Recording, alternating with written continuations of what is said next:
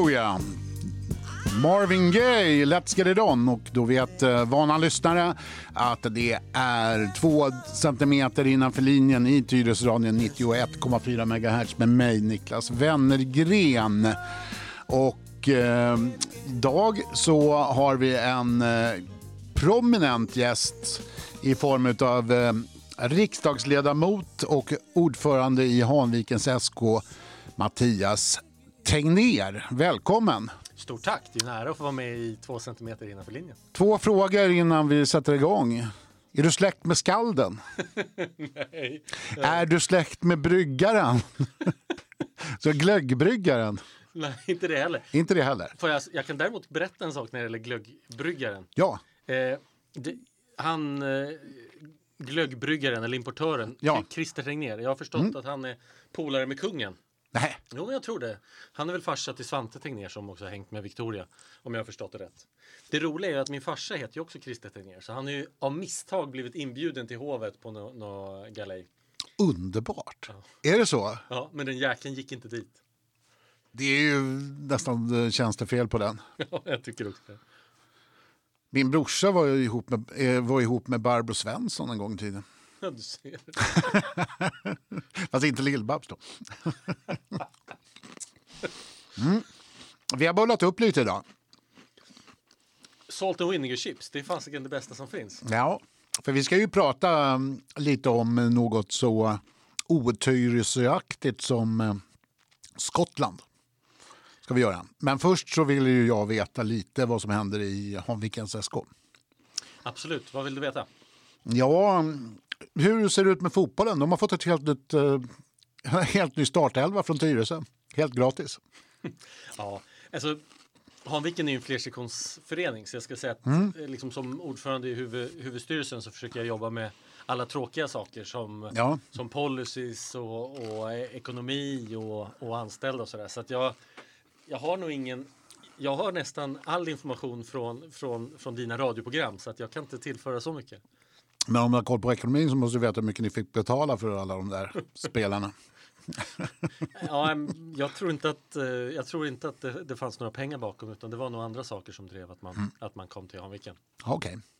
Ingen skop där med andra ord. Berätta mer Mattias, jag ska inte vara taskig. Nej, men jag... Nej, jag är ledsen, jag har inte så, så mycket att tillföra. Men det, är, det vill jag ändå säga, det är en fantastisk förening. Vi är ju nästan, bara fotbollssektionen är ju nästan lika stor som Tyresö FF. I Hockeyn, vår hockeysektion, Tyresö Hanviken Hockey, är ju Stockholms största hockeyklubb. Och sen så har vi en jättestark eh, friidrottssektion. Så att totalt sett så är vi ju runt 2500 medlemmar och därmed den största barn och ungdomsföreningen i Tyresö. Fantastiskt. Och nu, det vi, nu får du ett scoop. Ja. Vi har precis dragit igång, fattat beslut om att vi också ska ha en paddelsektion. Håll i hatten! Och då pratar vi inte om eh, sånt ute på sjön. Inte? Nej, utan då pratar vi om den här racketsporten som varenda jäkel spelar just nu. Ja, spännande. Ja, Vad roligt. Det händer saker när Tegnér är i lådan med andra ord. Ja. Nu så ska vi bort till ditt eh, förflutna och rota. Du har ju inte bara ett rött skägg, du har ju också varit i ett land där folk med rött hår bor. Och även röda näsor ska vi väl säga också. För dagen till ära så har vi ju bullat upp med salt and vinegar chips och skotsk öl lite granna. Väldigt få alkoholfria allihopa. Mm. Nyttigt ska det vara. Eh, för du, du har ju ett skotskt förflutet. när jag pluggade så, så pluggade jag eh, på Glasgow University och även Stockholms universitet. Så att jag har min examen som jag har i historia är från, från Stockholm men, men delar av eh, studierna gjorde jag i, i Glasgow. Så jag har pluggat där. Ja, okej. Hur länge var du där? Ja, men det var, eh, det var egentligen under år 2000. Ja, och eh, under ett år, då, är, då hinner man med ganska mycket i Skottland. För Skottland är inte stort egentligen. Ja, men jag hann med ganska mycket. Sen så var det inte hela året. Så att säg, ja, jag kommer faktiskt inte ihåg hur många månader det var. Men absolut, jag, man, man lär sig Glasgow och man lär sig delar av Skottland. Jag hängde, eh, när, jag åkte, när jag åkte norrut så hängde jag mer eh, längs eh, västkusten och, och besökte Isle of Mull och Isle of Iona och Oban. Och, ja. Oban ja. ja. Om vi ska, ska vi börja med maten? det kan vi göra. Säger han. Men, men när jag säger Oban så tänkte du egentligen på whisky. Jag tänkte att från, från maten kanske man kan nämna någonting utav... Eh, det vore ju som att prata om Sverige och inte, inte nämna renat brännvin, eller hur? Men eh, vad, vi, har, vi har ju en eh, gans, ganska udda nationalrätt i Skottland Ja, som här- heter haggis. Ja, precis. Vad är, vad är den? Vad är det? Alltså jag är Jag måste vara den sämsta personen att berätta om det men jag är, jag är vegetarian så jag, jag käkade ju ingen, ingen haggis men det är ju, är ju eh, komage. Alltså inälvor helt enkelt. Får. Får, ja du ser. Fårinälvor kokta i fårens, fårets mage. Just det. Mycket gott. Väldigt likt... eh, man kan, skulle väl kunna använda... Ja, som en eh, kra, kraftigt kryddad pölsa skulle man kunna säga. Och eh, passar väldigt bra till, till en eh, stark mörk öl. Just det. Kanske ett glas whisky till. Ja, Men, alltså jag tyck, den skotska maten var ju speciell. Den är ju liksom som brittisk mat sådär i allmänhet. Men, men eh, ja, man, lägger, man lägger den ju på minnet liksom. Överallt exempelvis i Glasgow så har du sån här chip shops, alltså eh, Ja. där de eh, då säljer pommes frites. ja. Men, man, men i Skottland så är det inte fish and chips liksom, utan det tänker man ju ändå att friterad fisk, det är ju ändå lite för hälsosamt. Ja. Så att vi, vi slänger på antingen mängder av ost eller en jäkligt fet currysås. Så det är liksom Mm. chips and cheese eller chips and curry. Och inte, finns inte en protein i närheten. Liksom. Inte sant? en fiber i närheten. Nej. Ja. Det låter ju nästan gro- groteskt. Ja, men det är faktiskt, alltså, från de här eh, liksom, butikerna, eller ja, ja, Ja. kioskerna, Ja, kalla det vad du vill, ja, eh, så stinker det ju. Det, det, det stinker av den här frityrdoften, men när Mm. du väl käkar det så, så smakar det faktiskt ganska gott. Ja. Jag kommer ihåg första gången jag, jag testade, för jag, jag gick ändå och höll på det ett tag ska jag säga. Och då, då var jag ensam i en sån här, en, ja, men en liten husvagn egentligen, där han stod och sålde de där chips, Ja. chips and curry. Och eh, Chippers säger, man i England. Är det samma i Skottland? Nej, de, I alla fall så som så, så, det är de jag pratar med. så Ja. chips and curry. Men, eh, men eh, vad vet jag, vad vet jag. Så här. Eh, Ja. När eh, Glasgowborna snackar Glaswegian så förstår man ju inte ett jäkla någe. Nej. Så att eh, det kan mycket väl vara så att det gick, för, gick mig förbi. Men de där chipsen, de dränker dem i den här currysåsen. När jag köpte det här första gången, jag, jag var ensam där, det fanns ingen kö och han slevade upp den här såsen och in i mikron och värmde den. Och jag tänkte, varför värmer han så mycket sås när det bara är jag som har gjort en beställning? Jag Aha. borde ju insett att allt var till mig och att pommes fritesen liksom skulle ligga där och, och, och drunkna i den currysåsen. Ah, för det är ju det man gillar mest. Mjuka pommes frites. Exakt. Nej, det var... Maten var speciell. Ja. Men dryck. Ja. Einbrew. Har du, har du testat Einbrew? ja. Jag har gjort det en gång, men jag kommer faktiskt inte ihåg hur den smakade. Jag, jag har ju varit i både Glasgow och Edinburgh. Och eh, jag har ju även läst kommissarie Rebus. Han drack ju mycket Einbrew eftersom han ofta var bakis. Jag tror de flesta Glasgowborna var bakis mest hela tiden. Ja, Eh, men... eh, Nej, men Einbrew är fantastiskt. Det är väl liksom av, av stora städer, i alla fall i västvärlden, så, så är ju liksom Coca-Cola störst i, i princip alla städer. Ja. Men i Glasgow, där är Einbrew störst. Och eh, ja, jag tycker det är fantastiskt. Det är som när, när folk frågar vad den smakar, för jag, när man plussar den så här mycket som jag gör, så tycker ju folk att, ja men vad, vad smakar den då? Liksom? går den att få tag på i Sverige? Ja, men, För jag du- känner någonstans i hu- bakhuvudet att jag har sett den någonstans. Ja, men om du glider till typ eh, The English Shop eller något sånt så finns den ju där. Ja, just det, på Medborgarplatsens galleri, galleria där ja. Just det. De har även en liten butik i Gamla stan. Har de det? Trevligt. Ja, men dit går jag ju när jag kan. Eller innan coronan, när man kunde ja, röra sig bland folk. När vi ändå är inne på dryck. Vad är det godaste ölen i Skottland? Det första som kom var ju McEwan, så att, Ja, men det stämmer nog. Jag får erkänna, jag var ju student när jag var där. ja, då dricker man inget. Nej. Ja, men man dricker ju en stor stark. Eh, så att jag, jag, får väl, jag får väl säga att eh, jag var väl inte så, så mycket av en finsmakare. Om det var något som jag höll på och försökte nörda mig med när jag var där så var det väl snarare whiskyn då. Men Ja. eh, eh, Innocent Gun får jag kanske säga då. Ja, det är lite finare än eh, McEwans. För McEwans är ju det stor stark egentligen. Ja, det så upplevde jag det i alla fall. Att det, var- det var ju det som fanns på alla. Det var ju liksom Falcon. Ja, men du har säkert rätt. För då, Du kan ju din öl Niklas. Ja, det kan jag ju. Det kan jag ju. Men eh, sen hamnar du på whisky, som Mm. sagt. Vad är den vilken är din favoritwhisky? Ja, men Open eh, som jag nämnde är Ja. nog eh, favoriten. Sen så det känns lite trist eftersom att varenda, varenda svensk tycker om riktigt eh, rökiga whiskys. Mm. Så att det är klart att eh, Lafroig och Lagavulin och den typen av whiskys tycker jag är toppen. Men Ja. om man inte får hålla på och vara ute på Isle of Isla så skulle jag säga Open. Ja, Oban. Ja, nej, det, är, det är en fin whisky. Trevlig, Ja, verkligen. ska man ju säga då. Eller så, vad heter han? Kri- Kristofsson eller vad? Mycket trevlig bekantskap. ja, eh, jag lyckades missa det där med whiskydestillerier faktiskt när jag var i Skottland båda gångerna. Eh, men eh, nog har man väl... Jag har faktiskt druckit whisky på Loch Lomond. Ah, Ja, ett glas Loch Lomond. Finns faktiskt en whisky som heter det, men jag tror inte det är någon finare sort. Men... Nej, men den, jag testar nog den. För att när man åker upp till Oban så Ja. Mm. åker man ju förbi Loch Lomond. Liksom, så att, eh, sen så passerar du väl då säkert ehm, nu tappar jag namnet helt plötsligt. På ett destilleri som jag dessutom har varit på. Som ligger precis norr om Glasgow. Hur fasiken? Det är ju, är det inte det Glenfiddich? Eh, Det är eh, Glenn... Glenmorangie? Eh, Nej, det är, Glenn. det är Glenn... Vad fasiken? Det dyker säkert upp under programmet och då Ja. får du hojta till Mattias. Ja, det, är, det är helt okej. Eh, varför- vad, vad besökte du för områden när du var i Skottland om man säger så? Då?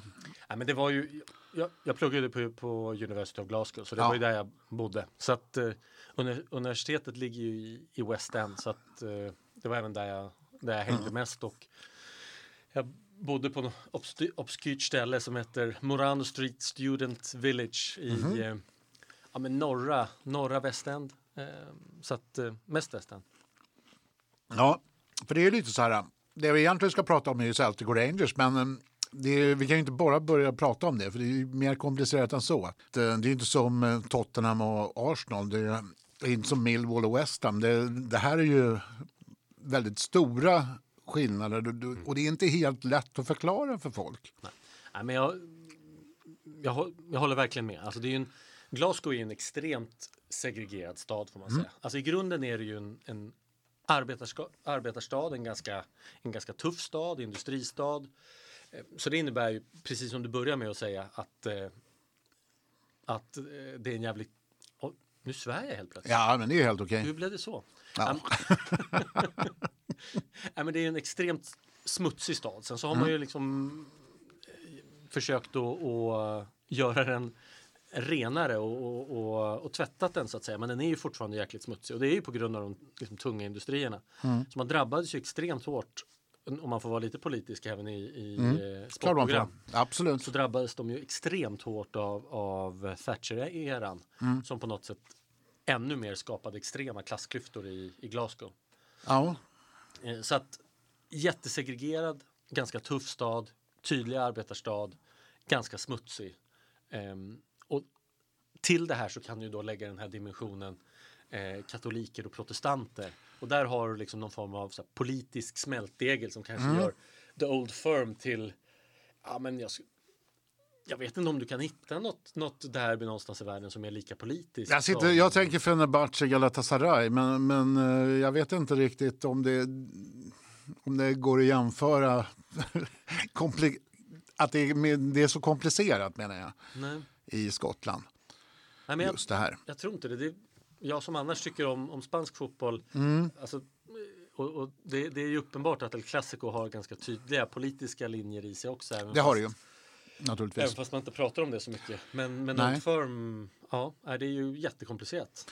Ja, plus att det är ju Spanien är ju ett enormt stort land och det är ju ganska lite stadsderbyn om man eh, tänker. Det är ju Atletico och Real naturligtvis. Eh, och Sevilla. Sevilla. Har ju också ja, Betis. Eh, men, ja, precis. Tack. Du såg att det tog slut där. men, det, men det är inte så väldigt många faktiskt. Och eh, om man tänker på de brittiska öarna så är det ju i väldigt många städer. Birmingham har ju, ganska, har ju flera. London har väl ett tiotal klubbar. Och eh, alla de, eller många av dem är komplicerade när det gäller derbyspel. Ett av de tyngsta derbyna är ju Northampton och eh, Chesterfield. Om vi ska tala om... Eh, Berätta. Om, ja, det är faktiskt, polisen var ju otroligt upprörda för, nu är det här en 10-15 år sedan, men de var otroligt upprörda för att matchen mellan eh, Northampton och eh, Chesterfield i division 4 skulle spelas på annandagen där det alltid kommer mycket folk. Och eh, om man inte vet om det så är det så att de ligger väldigt nära fast i olika counties. Och ett av dem var ett county där Margaret Thatcher valde att stänga gruvorna och ett där satt strejkbrytarna. Och de har aldrig förlåtit varandra. Sådana saker spelar in. Och, eh, så det, det, är ju väldigt, det var väldigt mycket bråk på de här matcherna. Även då, fast det är kanske publiksiffror som rör sig mellan 4-5 tusen bara. Så att eh, så eh, komplicerade som, men så, men så komplicerade som eh, Old Firm är det ju svårt att hitta. Mm. Var börjar vi? Ja, men jag tror... Geografin först. Ja, men jag tänkte säga att det, det, går nästan inte att börja och, och prata om Orm utan att börja med Henrik den åttonde. ja, nej men precis. Vad kan man egentligen, kan man egentligen börja någon historia utan att börja med Henrik den åttonde? ja, men precis.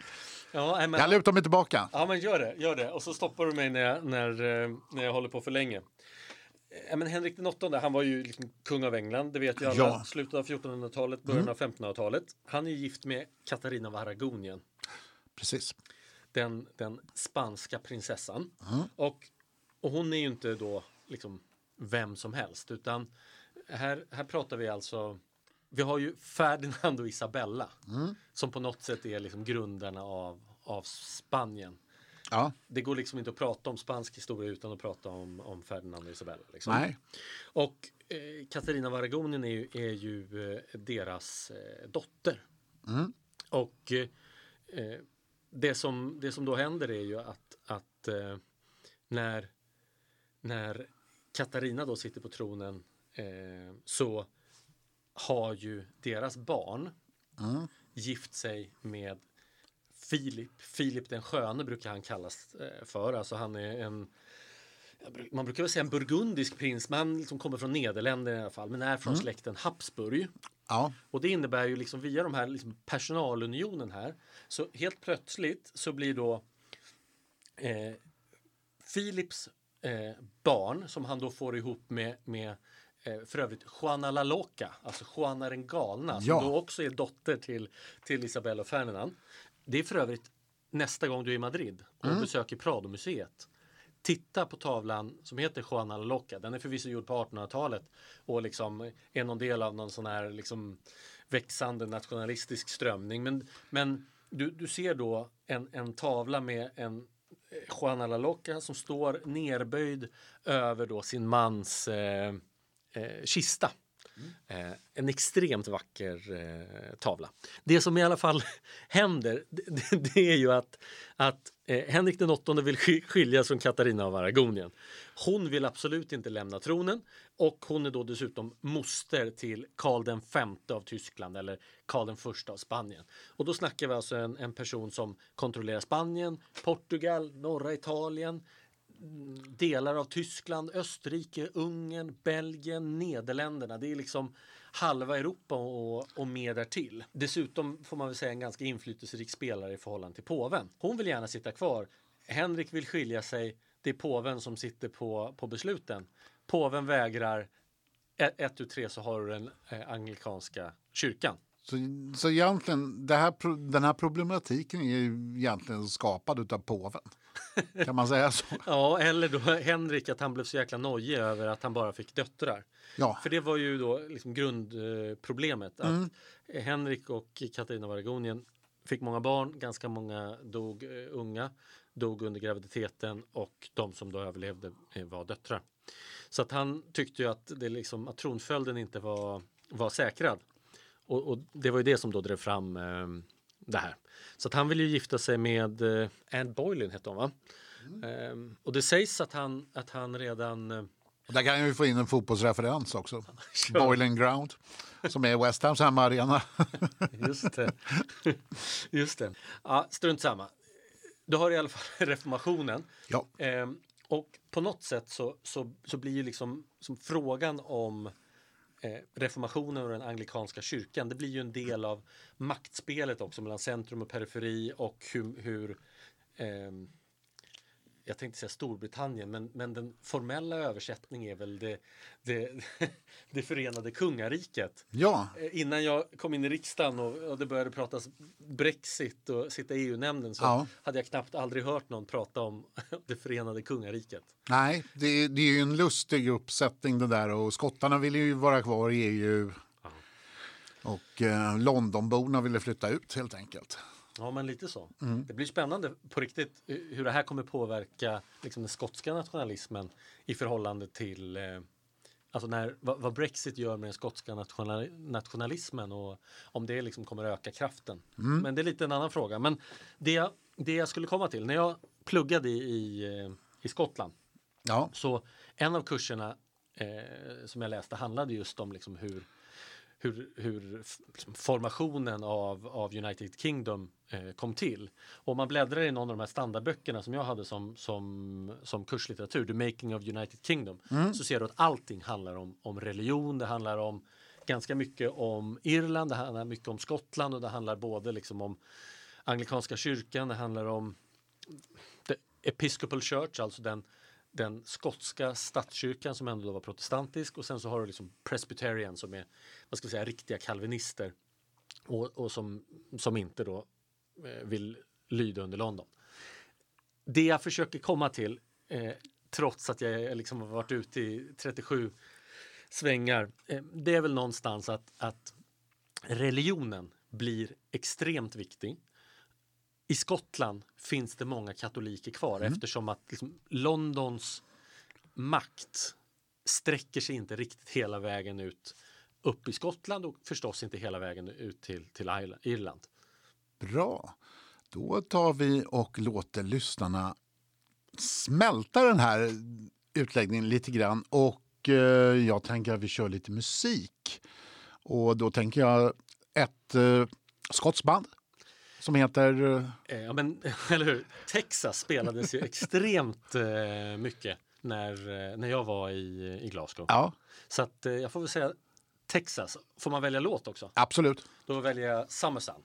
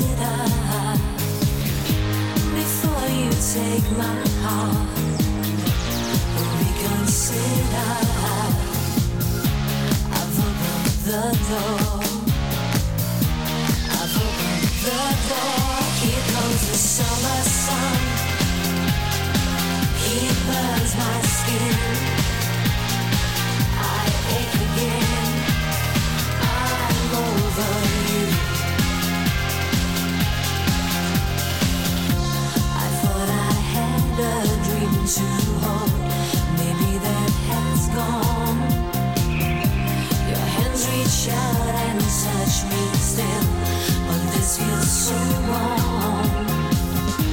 Before you take my heart, reconsider. Before you take my heart,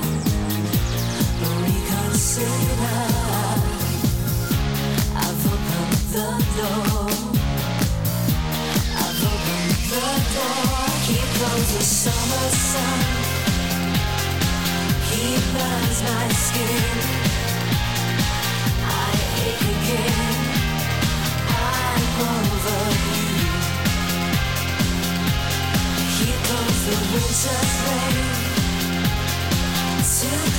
My skin.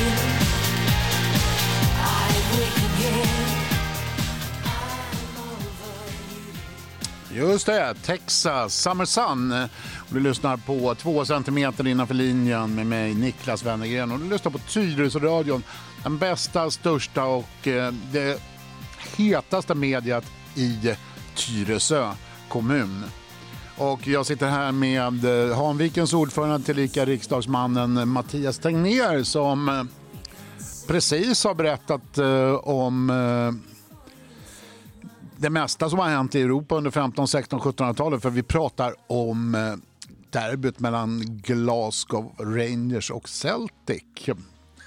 Låter det konstigt? Spola tillbaks och eh, fundera en gång till. Eh, var var vi någonstans Mattias?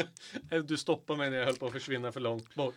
Men det jag försökte säga var i alla fall... Det kan aldrig vara för långt bort. det jag i alla fall försökte säga det var att de här eh, eh, kalvinisterna eller presbyterians under de här perioderna av, av krig, framförallt eh, på 1660-talet, tvingades delvis fly till Nordirland. Så det har liksom, eh, genom historien har det funnits nu sitter jag och vinkar här för alla som inte ser eh, eftersom att man då har rört sig mellan Skottland och Nordirland.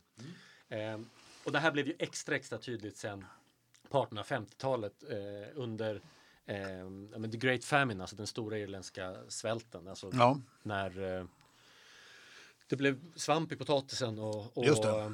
de flesta som hade lite mer stålar drog till USA och, och resten drog till, till Skottland och hamnade i Glasgow.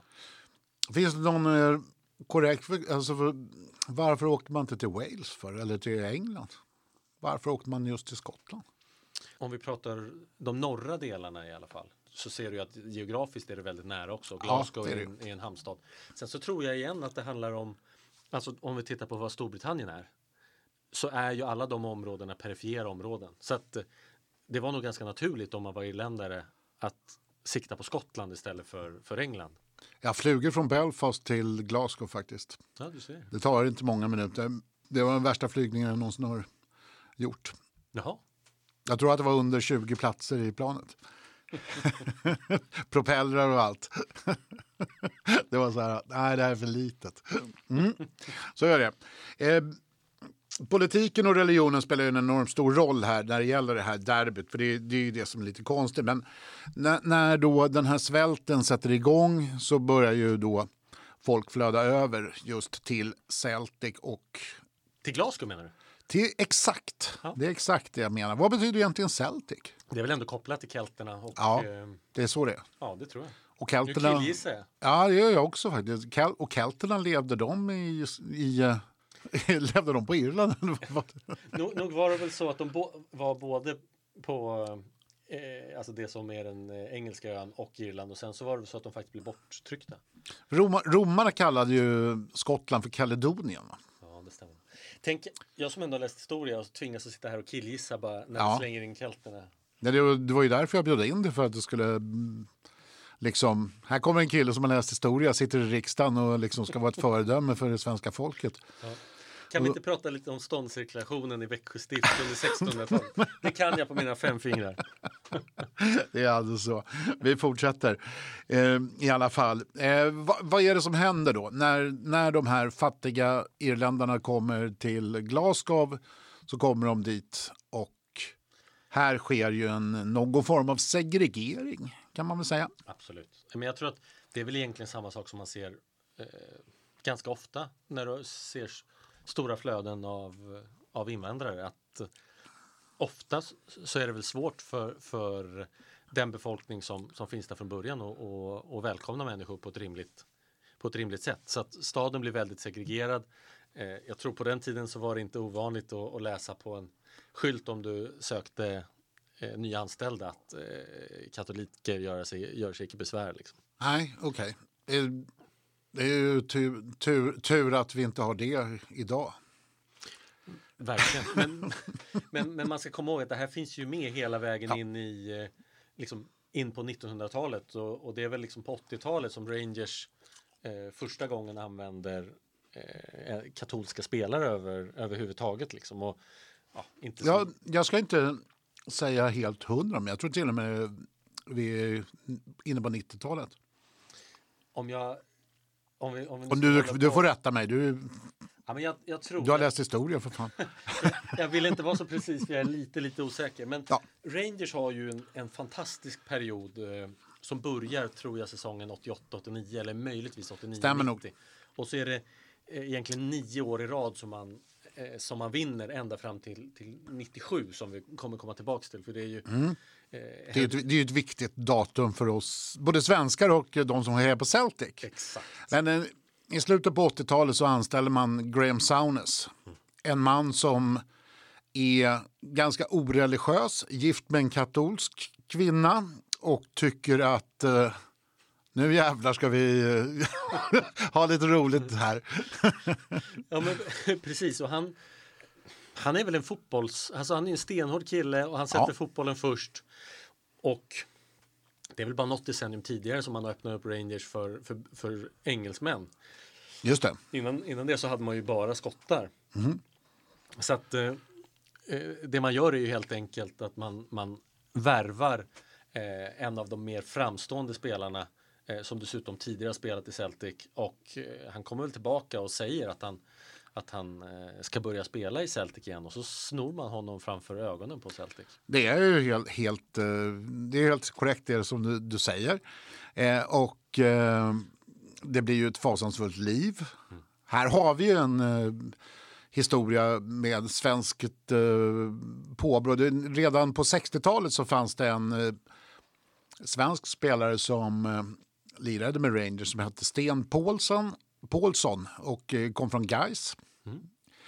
Eh, under en match, ett, under ett derby, så blir han, 19, och jag tror att det är 1966, som han blir tillfrågad av eh, Rangers lagkapten om han är protestant eller katolik. Sten är väl som de flesta svenskarna, liksom så här, vad fan har det med saken att göra? Eh, tänker efter så här, ja vi är ju protestanter, Sveriges ansvariga protestant. Efteråt så fick han ju, eller några år senare fick han reda på att eh, Celtics lag, lagkapten ville ju veta det för att han skulle ju värvas till Celtic. Celtic vinner ju då 1967 tror jag det eh, Europacupen. Och där hade ju Sten kunnat vara med faktiskt. Just det. Men det är väl den här Alltså den där perioden, jag ska säga när jag var i, i Glasgow så, så kände jag inte till den när jag kom. Nej. Men när man för att förstå hur viktig fotbollen är så behöver man ju förstå det du pratar om. För det där är ju Celtics storhetsperiod när man vinner nio år i rad. Ja, Och eh, det som då det som då händer om vi då rör oss tillbaka till till den perioden som vi pratar om nu, alltså när Saunes är där, Ja. som börjar i slutet av 80-talet och som slutar 97. Men då har ju Rangers vunnit nio år i rad. Story. ja just det, precis. Vi, eh, vi går vidare från Sten Paulsson till Graham Sounders tycker jag. En liten utveckling kan jag ju få kosta på mig, jag är ju trots allt programledare. Absolut, och den, den är faktiskt extremt cen- central. Ja, Eftersom att de där nio åren när man vinner när man vinner ligan i rad, alltså Celtic där på, på, eh, på 60-talet. Och, Ja. och den stora höjdpunkten är ju som du säger eh, vinsten i, i Europacupen. I Lissabon tror jag. För jag har, jag har läst till med att man pratar- Lissabon Lions kallas Exakt, de. Exakt. Exakt, det stämmer. Och det som då händer där på, på 80-talet när, när, när eh, Saunes är där och när han då lyckas eh, värva Mo Johnston. Det är ju att man startar ju en period av vinster för Rangers som sträcker sig hela vägen fram till 97 Ja. där vi var tidigare. Och då har Sounders lämnat för Liverpool väl, Ja, och då har Walter Smith tagit över.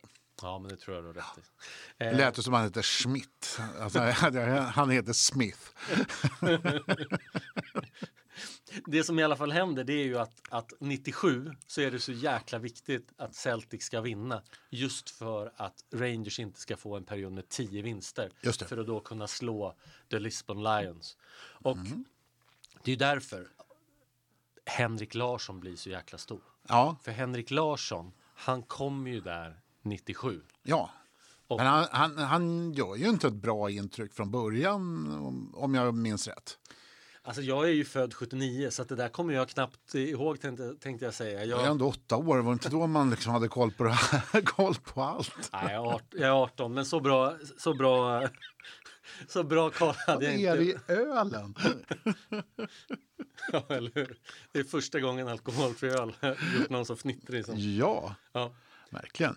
Eh, ja, en, eh, Henrik Larsson kommer till Glasgow 1997 Och ja, men jag också, från Feyenoord. ja precis. Och det är väl hans gamla tränare dessutom som plockar över honom tror jag. Det har jag också för mig.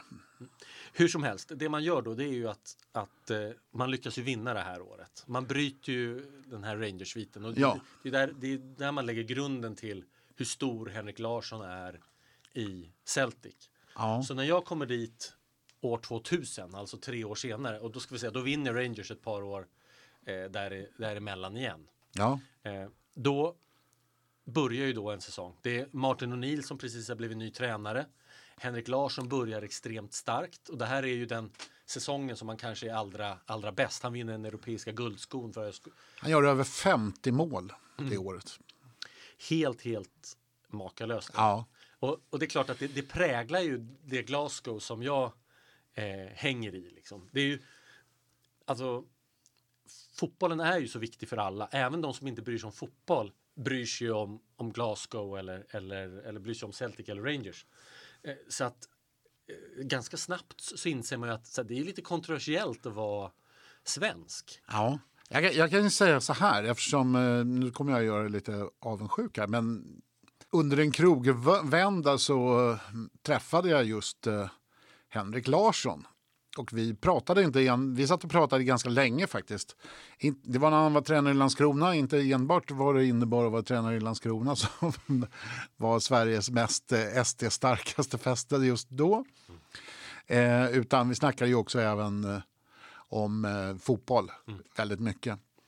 Och eh, det var också då han berättade att nej, jag, inte, jag ångrar inte att jag stannade så länge i Skottland. Men jag ångrar att jag inte åkte tillbaka till Manchester United, sa han.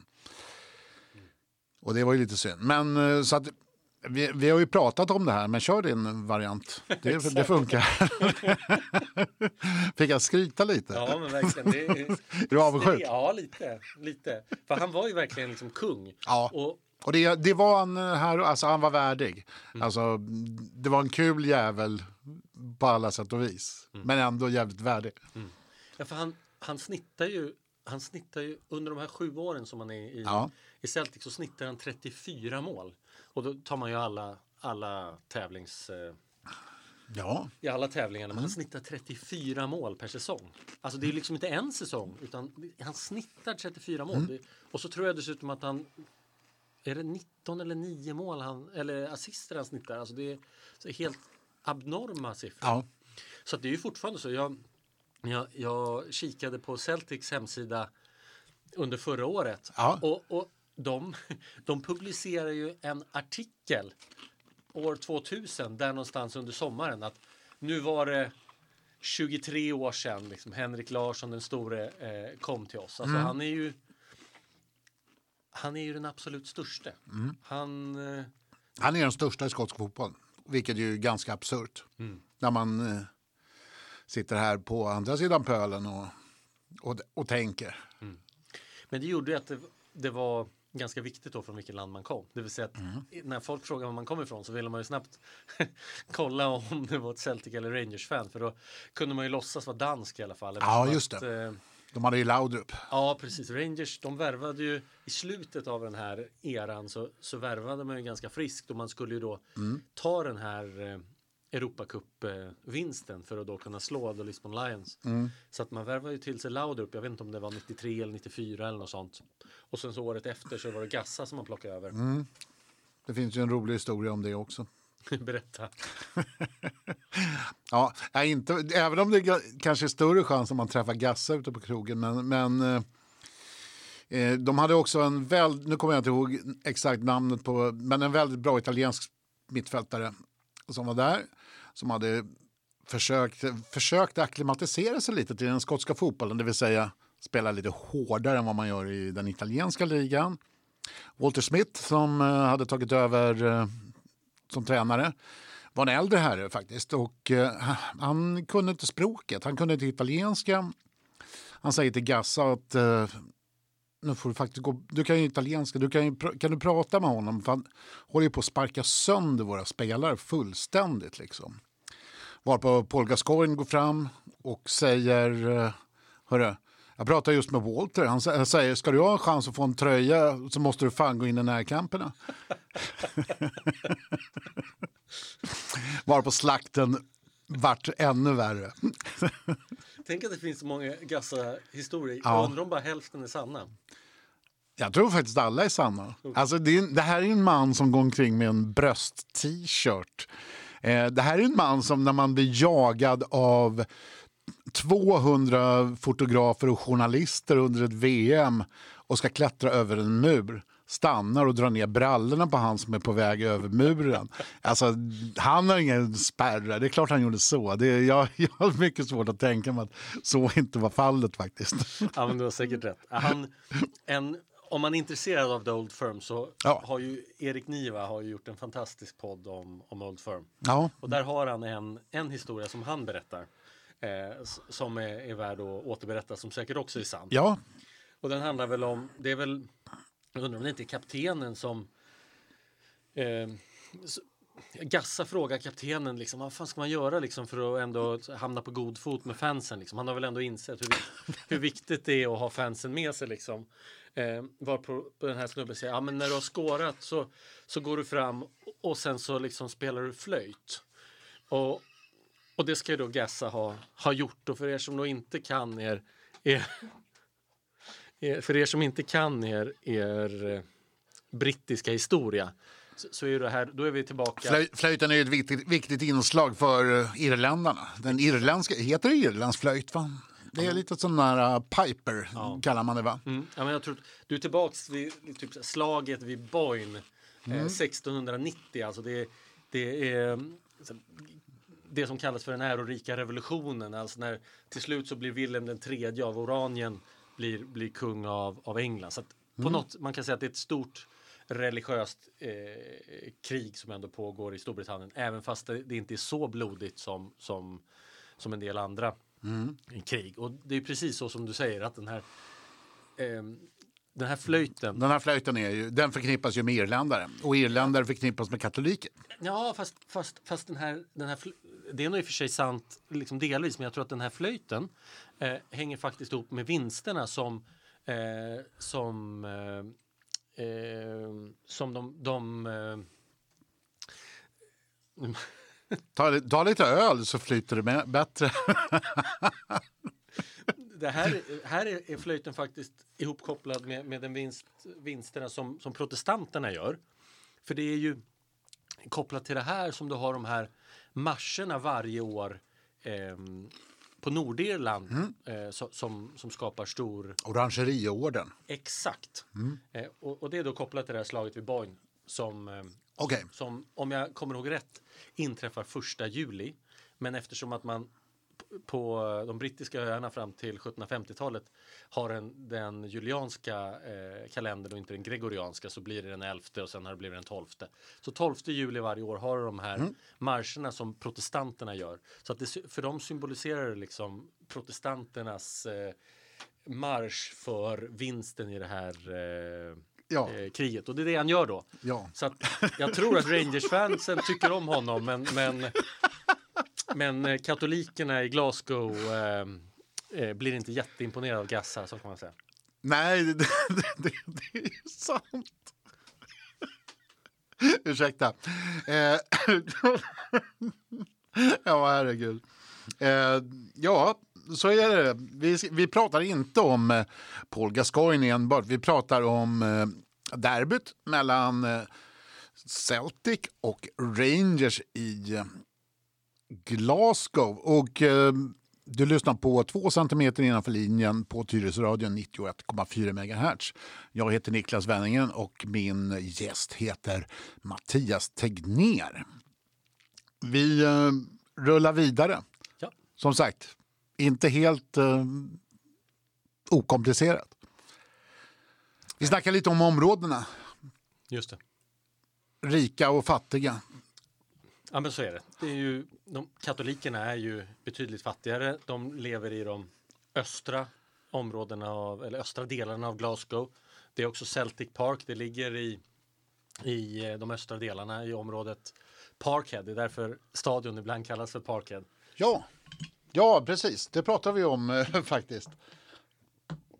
När jag sa att nu tar jag en öl till. Eh, och den här gången, vi ska berätta vad vi har druckit naturligtvis efteråt. Men eh, mycket, mycket goda och perfekt eh, tempererade. Ska vi säga. Eh, Parkhead som sagt, va, det är alltså området och eh, ibland så säger man att man spelar på Parkhead. Det är ungefär som när folk säger Tele2 Arena när de menar Söderstadion. Kan man säga. säger Mattias är också djurgårdare ska vi säga. Och jag är ju grönvit, precis som Celtic. Jag sitter och håller i mig stolen och så går vi Ja, vidare och pratar jag tycker det. Firm, eller? Jag tycker det. Men vi skulle prata lite om områdena. Det, de fattiga områdena ligger i eh, öster och det är där Celtic finns. Mm. Och eh, i väster så är det lite finare, lite mer posh. Mm, som man säger i England. Absolut.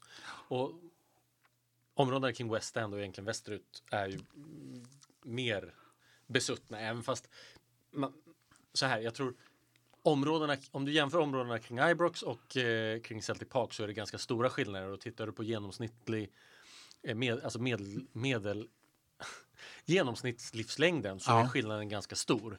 Sen så finns det andra fattiga områden i, eh, i Glasgow också ska man Ja. säga. Det är en tydlig arbetarstad. Jag kommer ihåg, jag bodde ju i de norra delarna av, av West End och liksom norrut därifrån så har du ett område som heter Rock, Rochill eller Rockill. Och eh, även där så, så eh, skulle man inte gå ut på, på natten liksom. Så att, eh, det, det finns många områden i Glasgow där man ändå ska, ska hålla i hatten, så kan man nog säga. Ja, ja, ja. Och eh, även, det, det kanske vi ska nämna, det, det är ju detsamma i huvudstaden Edinburgh. Att där, där finns det också ett katolskt lag och eh, ett protestantiskt lag. Men det där kan ju du bättre än jag. Ja, det är klart. Jag är ju en programledare. Nej. Eh, Hibernians, som är eh, det katolska laget, spelar grönvitt. Och eh, Hearts, som eh, spelar i eh, någon form av rött. De har en liten jag. Rödlila eller eh, burgundy kanske. Ja, Ja, exakt. Lite udda. Vä väldigt, eh, jag, jag har faktiskt uh, varit och tittat på Hibs en gång i tiden. Det var en kall match. Alltså jag, jag ville ju gå och se på fotboll när jag var där, men det var ju extremt svårt. Alltså Ibrox tar ju 50 000 eh, åskådare, eh, Celtic Mm. Park 60 000. Alltid fullt, alltid lapp på luckan. Och nästan alla är ju liksom säsongsbiljetter. Så att, eh, men jag tror jag, var på en match, jag tror att det var en Rangers-match som jag som jag var på, även fast jag kanske hellre ville vara på en, en Celtic-match. Liksom. Men det var Mm. extremt svårt att få tag på, på biljetter. Det, det är så, ja. Eh, religionen då. Som, eh, gör, alltså de här, det här är ju som, som eh, vi pratade om tidigare, kanske det hetaste och mest komplicerade derbyt i, eh, på jordklotet egentligen, kan man, kan man, kan man väl säga. Men jag tror det. Alltså det finns ju heta derbyn i Sydamerika men, men eh, om Ja. vi ska koppla det till liksom religion och politik så, ja, men så tror jag ändå det. Liksom. Ja. Och det var verkligen, alltså det var många som sa åt en när man kom dit som utbytesstudent att så här, det där är inget att leka med. Alltså du, gå inte och köp dig eh, någon halsduk som du springer runt med i fel områden liksom. Utan Nej, jag tror ändå man måste förstå det att så här, även de som inte är intresserade av fotboll är stenhårda fans av, av det ena eller det andra. Det fanns i alla fall vid den tiden väldigt få människor som inte hade en lojalitet till en av lagen. Så, så man måste liksom förstå att även de som inte tyckte om fotboll var ändå kopplade till, till de här derbyna på något sätt beroende Ja. på deras lojalitet. Jag tror att det är lika stenhårt som, ja, men som det var på Nordirland egentligen. ja. Alltså den här gråa ma- medelmassan som, som inte Mm. så tydligt tar ställning. Den, den fanns inte riktigt vilket gjorde det ja, men ändå ganska delvis är det ju charmigt, men det finns ju något lite obehagligt i de extrema tonerna som ändå finns i, eh, i den här typen av matcher. Liksom. Ja. Så- För eh, det räcker ju kanske med att man eh, sjunger någon... För de sjunger väldigt mycket om jag har förstått det hela rätt. Men det kanske räcker om man sjunger någonting om The Billy Boys. Som då var något eh, protestantiskt mördargäng. Va? Ja, men det stämmer nog. Och eh, där, där, det är ju ganska... Det, det är ju en provokation. Och då blir det ju liv i luckan naturligtvis. Det är ju betydligt grövre än när, när Hammarby och Djurgården möts och det, de sjunger Always look on the bright side of life när man har vänt en match. Även om, det finns ju en viss humor i det ändå. Det finns ju inte när man sjunger om The Billy Boys. För The Billy Boys de gick ju runt och slog ihjäl katoliker helt enkelt. Nej, men fotbollen blev ändå på liv och, liv och död på ett sätt som... Ja. Sen så, eftersom att det finns så tydliga kopplingar till Nordirland så får man väl ändå... Alltså, jag var ju där vid en tidpunkt när, eh, när eh, det ändå blåste någon form av liksom förändringens vin- vindar. Alltså Tony Blair hade ju blivit eh, premiärminister några år innan. Han var ju extremt stark vid, vid den här tidpunkten. Och eh, det märktes ju oerhört tydligt om du tittar på, på City Council i, i Glasgow som jag sa en gam- gammal klassisk arbetarstad. Eh, det fanns knappt några konservativa där. Utan de partierna som liksom hade funnits innan, det var ja, men lite Tories och sen så mycket Labour, lite SNP, alltså de skotska nationalisterna. Som Ja. lite, alltså, Som företräddes av Sean Connery. Alltså man, kan- man kan väl säga att de eh, på många sätt påminner ändå om socialdemokrater också får man säga, även fast de har liksom, dra nationalistiska drag. Det, jag måste, måste fråga, du är ju kanske, även om du sitter i riksdagen, kanske mer insatt i politik än vad jag är. Det kan man aldrig veta. Men jag, jag får en känsla av, är, är det det enda så här, nationalistiska partiet i eh, Europa som icke är främlingsfientligt? Eller? För de har inte den, eller jag får inte den känslan i alla fall. Stämmer det? Eller är det bara jag som lurar mig själv? Nej, men jag, jag, så var det definitivt då. Jag, jag tror fortfarande att det är så. Eh, däremot så kan du se liknande saker i, i, i några av de nationalistiska eller re, regionalistiska partierna i Spanien. Okej. Alltså, några av dem är ju ganska tydliga vänsterpartier och har därför inte den typen av, eh, av liksom rasistiska inslag. Så Okej. att, eh, om du tittar på Katalonien som vi skulle kunna göra ett, eh, ett eget... eh, Det kommer vi göra nästa gång. Ja, exakt. eh, ja, men så har du ändå eh, ja, men partier där som, som är nationalistiska. Alltså kato, eh, eh, katalonska nationalistiska eller regionalistiska, men, men inte rasistiska. Okej, vi börjar faktiskt att rinna ut lite om tiden. Jag har fått reda på en hel del om Katarina av Aragonien, Henrik den åttonde, Haggish. Glengoyne! Destilleriet heter Glengoyne. Hur kunde jag glömma? Norr om Glasgow. Ja, En god, mild... den är jättefin. Whisky. Glengoyne är en av dem. Alltså det, där, kan, där snackar vi om att åka Rolls Royce. Det är som en uh, smekning i gommen. Det Verkligen. är det faktiskt. Det, det håller jag fullkomligt med om. Eh, hur är det idag? För att det som hände efter eh, den här fantastiska tiden med Henrik Larsson och Celtic och Rangers hit och dit, vilka som vann. Det, var ju, det är ju en, det är en tvålagsliga det där. Sen så dyker det upp tränare som Alex Ferguson som tar, eh, vilket lag var det nu han tog till, eh, som vann med, nu står det stilla här. Det fjärde laget, det tredje laget så att säga. Är det Dundee vi pratar om? Det, nej, inte, det är inte alls det. Aberdeen? Så dyker ju Alex Ferguson upp och vinner med Aberdeen. Vann, vann de inte typ i Uefa-cupen eller något sånt där? Ja. Och sen så kom han ju till United och sopa banan med alla. Vart legend. Men efter det så hände det ju någonting med Rangers. De gick ju in i någon form av... Eh,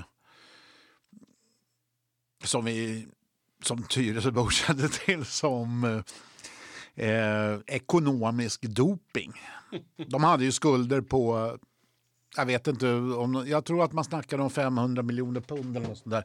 Men eh, det, det ska jag låta vara osagt. Men huruvida det nu var så var det bevisligen ekonomisk doping. De var nedflyttade i division 4. De är, alltså de är ganska stränga även om det är stora lag som gör såna här saker. Och eh, där fick man ju då möta lag som Aloha eller eh, Queens Park. Och eh, Just det, det har vi inte pratat om. Den Nej. tredje stora stadion i, i Glasgow som just Queens Park spelar på. ja, det är ju nationalarenan. Exakt. Och den heter vadå? Hamden Park. Ja, den tar inte nu, men före så tog den tror jag 120 000. Och där spelar Queens Park och de har ungefär 500 åskådare. Men det är så ordnat att Queens Park har ett livstidskontrakt. Eh, De har alltid ett eget de har alltid ett omklädningsrum, jag tror att de har klubbhus där också. Och de ska alltid spela där, det är så det är. Det här var ju alltså så tidigt så in, innan lagen went professional. Alltså. Så att eh, man kan inte flytta på Queens Park, Nej, vilket tror, är ganska roligt. jag tror faktiskt, jag, jag, jag vill minnas att jag har, har läst det. Alltså att just på Hamden Park så har du det gamla europeiska rekordet i flest eh, åskådare. Jag tror att det var 150 000. Ja, det kan nog stämma. För de, förr i tiden var, var, ju, eh, ännu, var ju arenorna ännu större faktiskt. Ja. Men, men nu tror jag att nu är man tillbaka till de här 50 eller något sånt. Och, och sen så är det ju liksom Queens Park som lirar där och sen så är det väl eh, rugby och annat som, som man spelar där. Plus, annat rugby där också. Ja, men jag tror det. Och sen så är det väl precis som du sa nationalarenan eh, i fotboll också. Ja, men det är det ju. Ver verkligen, verkligen. Men i alla fall, eh, nu, nu är vi tillbaka i... Eh, nu, nu har ju Rangers vunnit ligan tre år på raken. De är tillbaka. Nej, är vi framme nu? I nutid pratar du om? Ja, Nej, men, nej, det tror jag inte. Utan eh, Celtic hade ju en fantastisk period och vann ju varenda år från 2011 och fram till förra säsongen. ja, men jag menar ju att eh, Rangers var nedflyttade och vann eh, division 4, division 3 och division 2. Sorry. Ja, och nu är då- tillbaka och dessutom leder ligan med 10 poäng. Ja, precis. Det är väl omgång 30 nu när vi spelar Ja. in. Och eh, det är väl vad är det, 10, 10 poäng som skiljer dem. Ja, någonting i den stilen. Så att det, här Old Firm känns ju lite avslaget. Samtidigt eh, så tänker jag att eh, man, hopp, man hoppas ju. Ja. Man har ju ett litet Celtic-hjärta. Varför? Va, va, jag har detsamma och vad är det? Varför är det så? För att jag kan säga så här, det valde jag långt innan jag visste att det var katoliker och protestanter och såna här saker. Ja, jag vet inte. I ditt fall är det väl för att de är grönvita. I mitt fall Jag tror att det var innan jag ens visste att de var det. Jag, alltså jag valde nog eh, det ändå.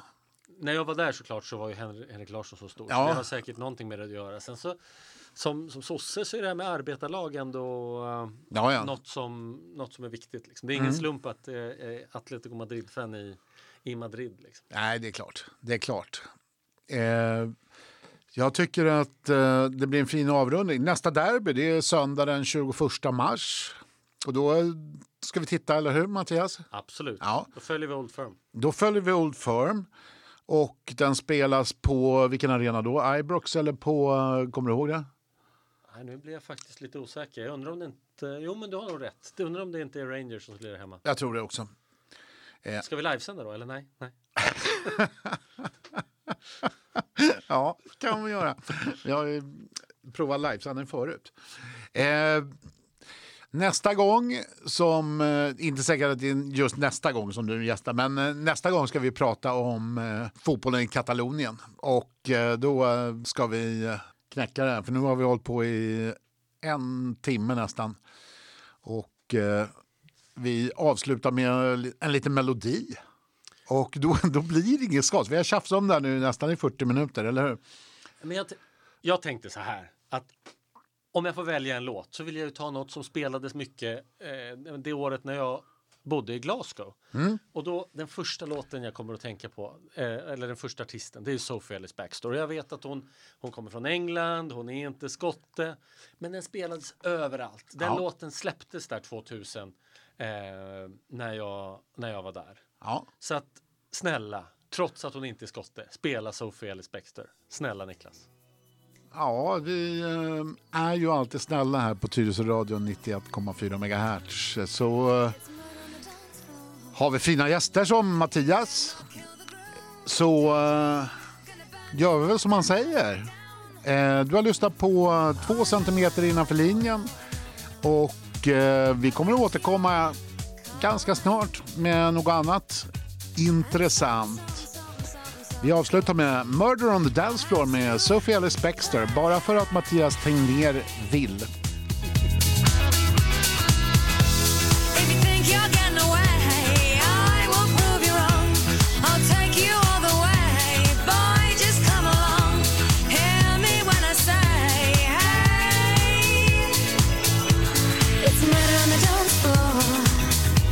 If you better not kill the bird.